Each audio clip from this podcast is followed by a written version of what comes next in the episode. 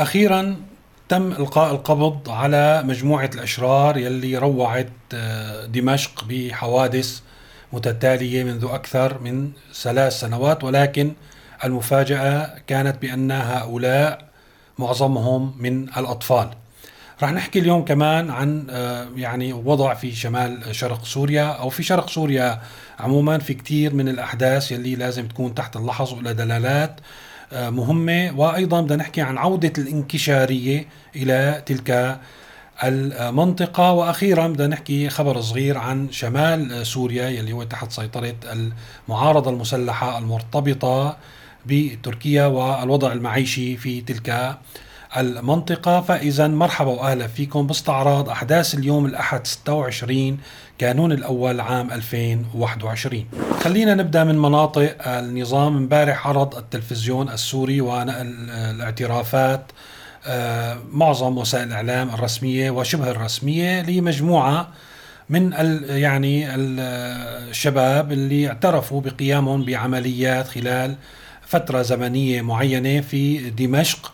كان آخرها هو عملية الباص يلي تحت جسر الرئيس يلي صار فيه حواليها كثير من الجدل. والحقيقة يعني باختصار من مضيعة للوقت إنه لوقت وقتكم نقعد نفند هذه الاعترافات اللي ما فيها لا أي منطق ولا أي ترابط ولا أي احترام أصلا لعقل المشاهد.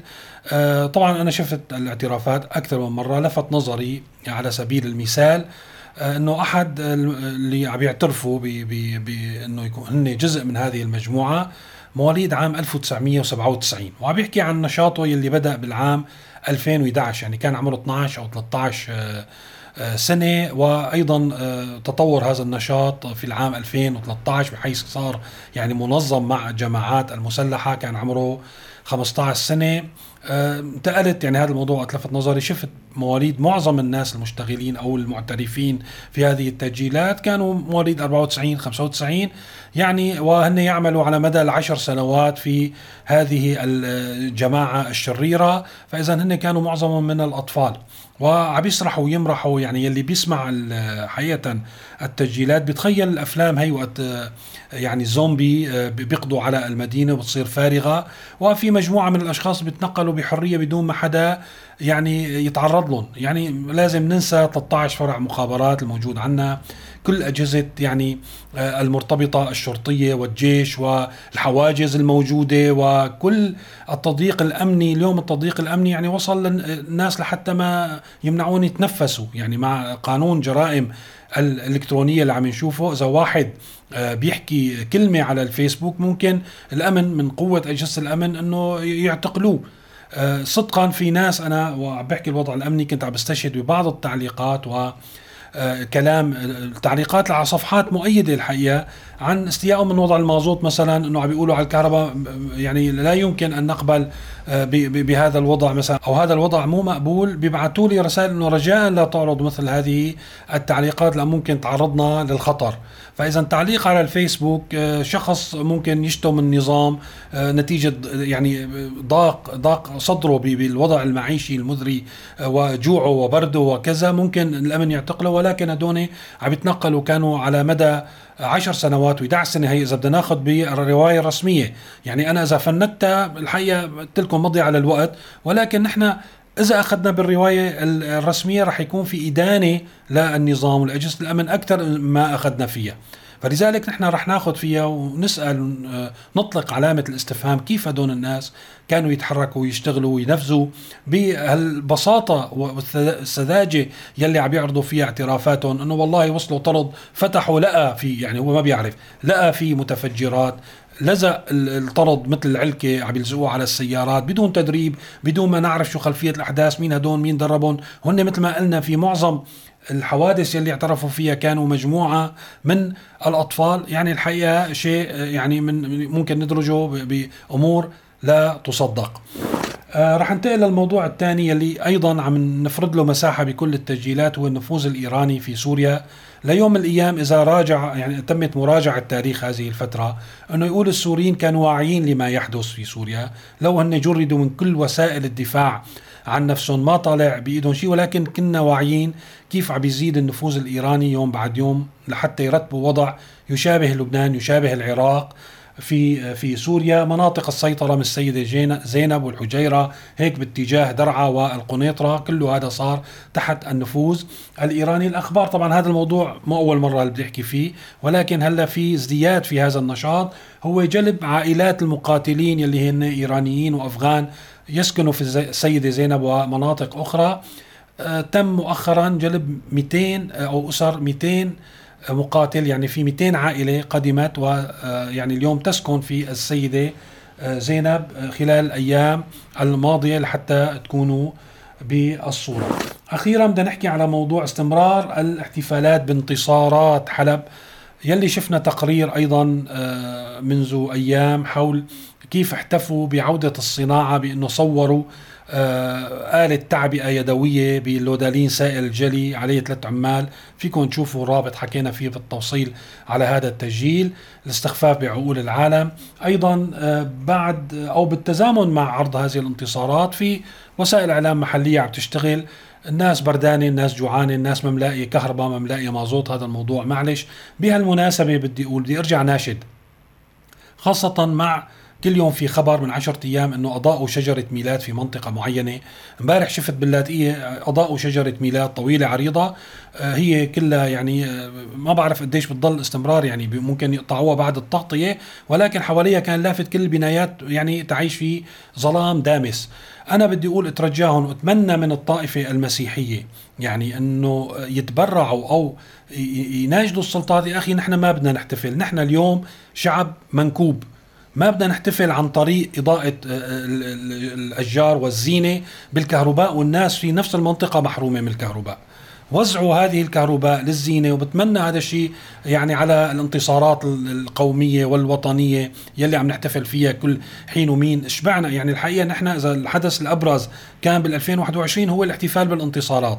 هالطاقة والموارد وال والسيولة اللي عم تصرفوها وزعوها على الناس وزعوها كهرباء وزعوها مازوت للناس تتدفى بهالبرد الشديد. ما بدنا احتفالات نحن يعني كان على صعيد الجماعات والطوائف والمذاهب بتمنى من أصحاب كل مذهب وطائفة إنه يعني يناشد الحكومة ما تحتفلوا فينا يعطيكم العافية نحن مقدرين الظرف. وأيضا بتمنى على السلطات إنه يا أخي والله فهمنا إنه انتصرتوا ولكن وزعوا هالموارد خاصة من الطاقة على الناس أحسن ما تحتفلوا أنتم وتشعلوا الزين والدبكات والمطربين والناس ميتة من بردة وميتة من جوعة حكينا من ناحية الوضع المعيشي دائما بدنا ندلل ونأكد أنه الوضع المعيشي في كل مناطق سلطات أمر الواقع اليوم في سوريا متشابه من نقص المواد آه يعني ارتفاع الأسعار. هلأ بعد ما انسحبت القوات الأمريكية من العراق وأغلقوا المعابر بين سوريا والعراق وأيضا بالصدف أغلقوا المعابر بين مناطق النظام وشمال شرق سوريا. تظهر المعاناة يوم بعد يوم أكبر من اليوم اللي قبله وأيضا تظهر نفس الأمراض الاحتكار الحيتان الموجودين مرتبطين بالسلطة بيتحكموا بالسوق وبالأسعار أيضا ونشوف طوابير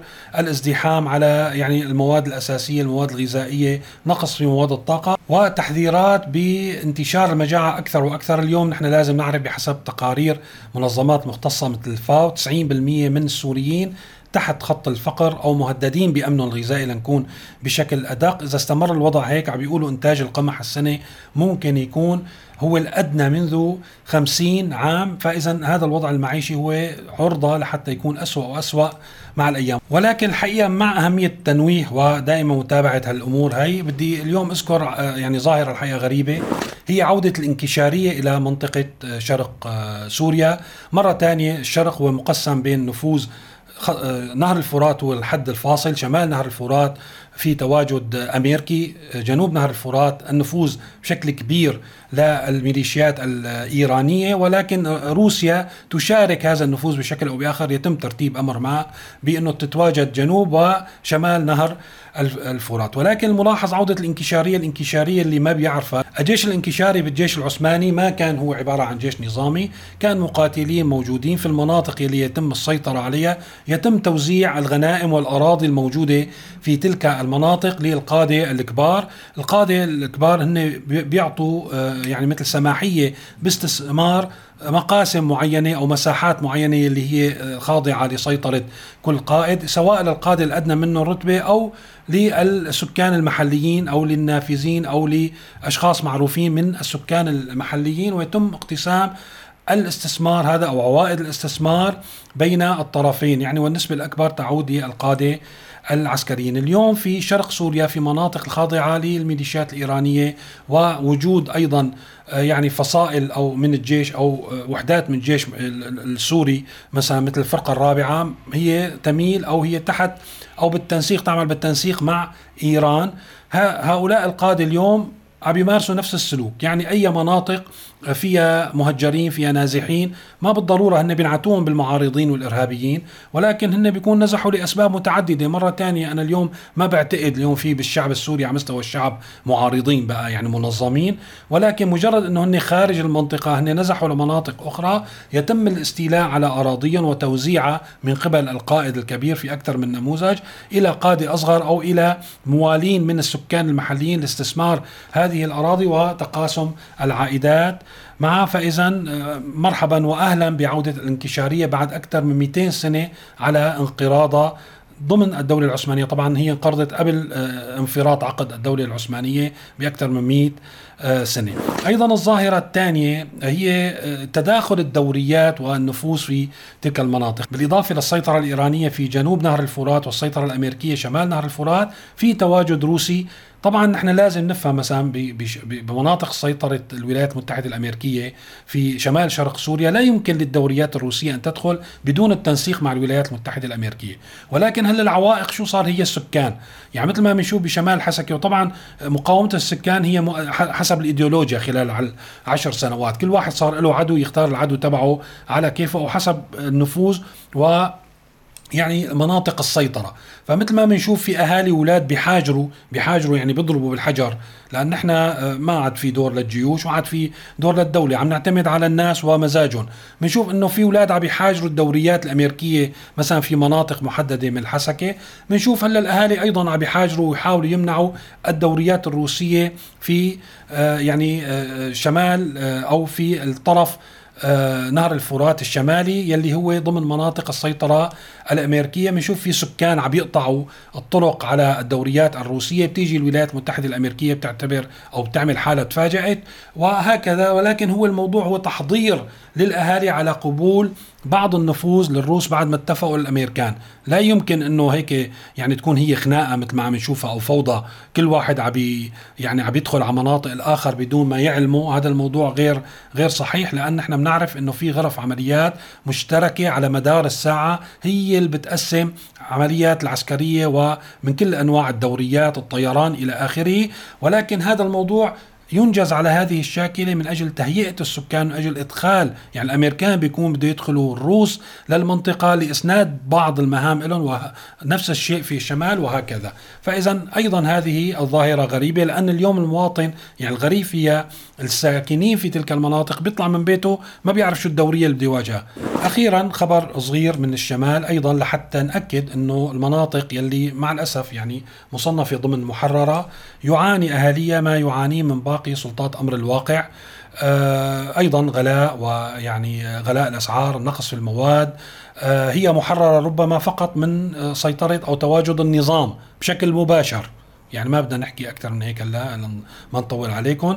ولكن المعاناة موجودة وما خرج للمطالبه فيه السوريين من كل المناطق يعني قبل عشر سنوات. إلى اليوم محرومين منه بشكل كامل. أتكلم عن حرية التعبير عن الحرية عن الديمقراطية غير موجودة وهي أسوأ في ربما في بعض المناطق.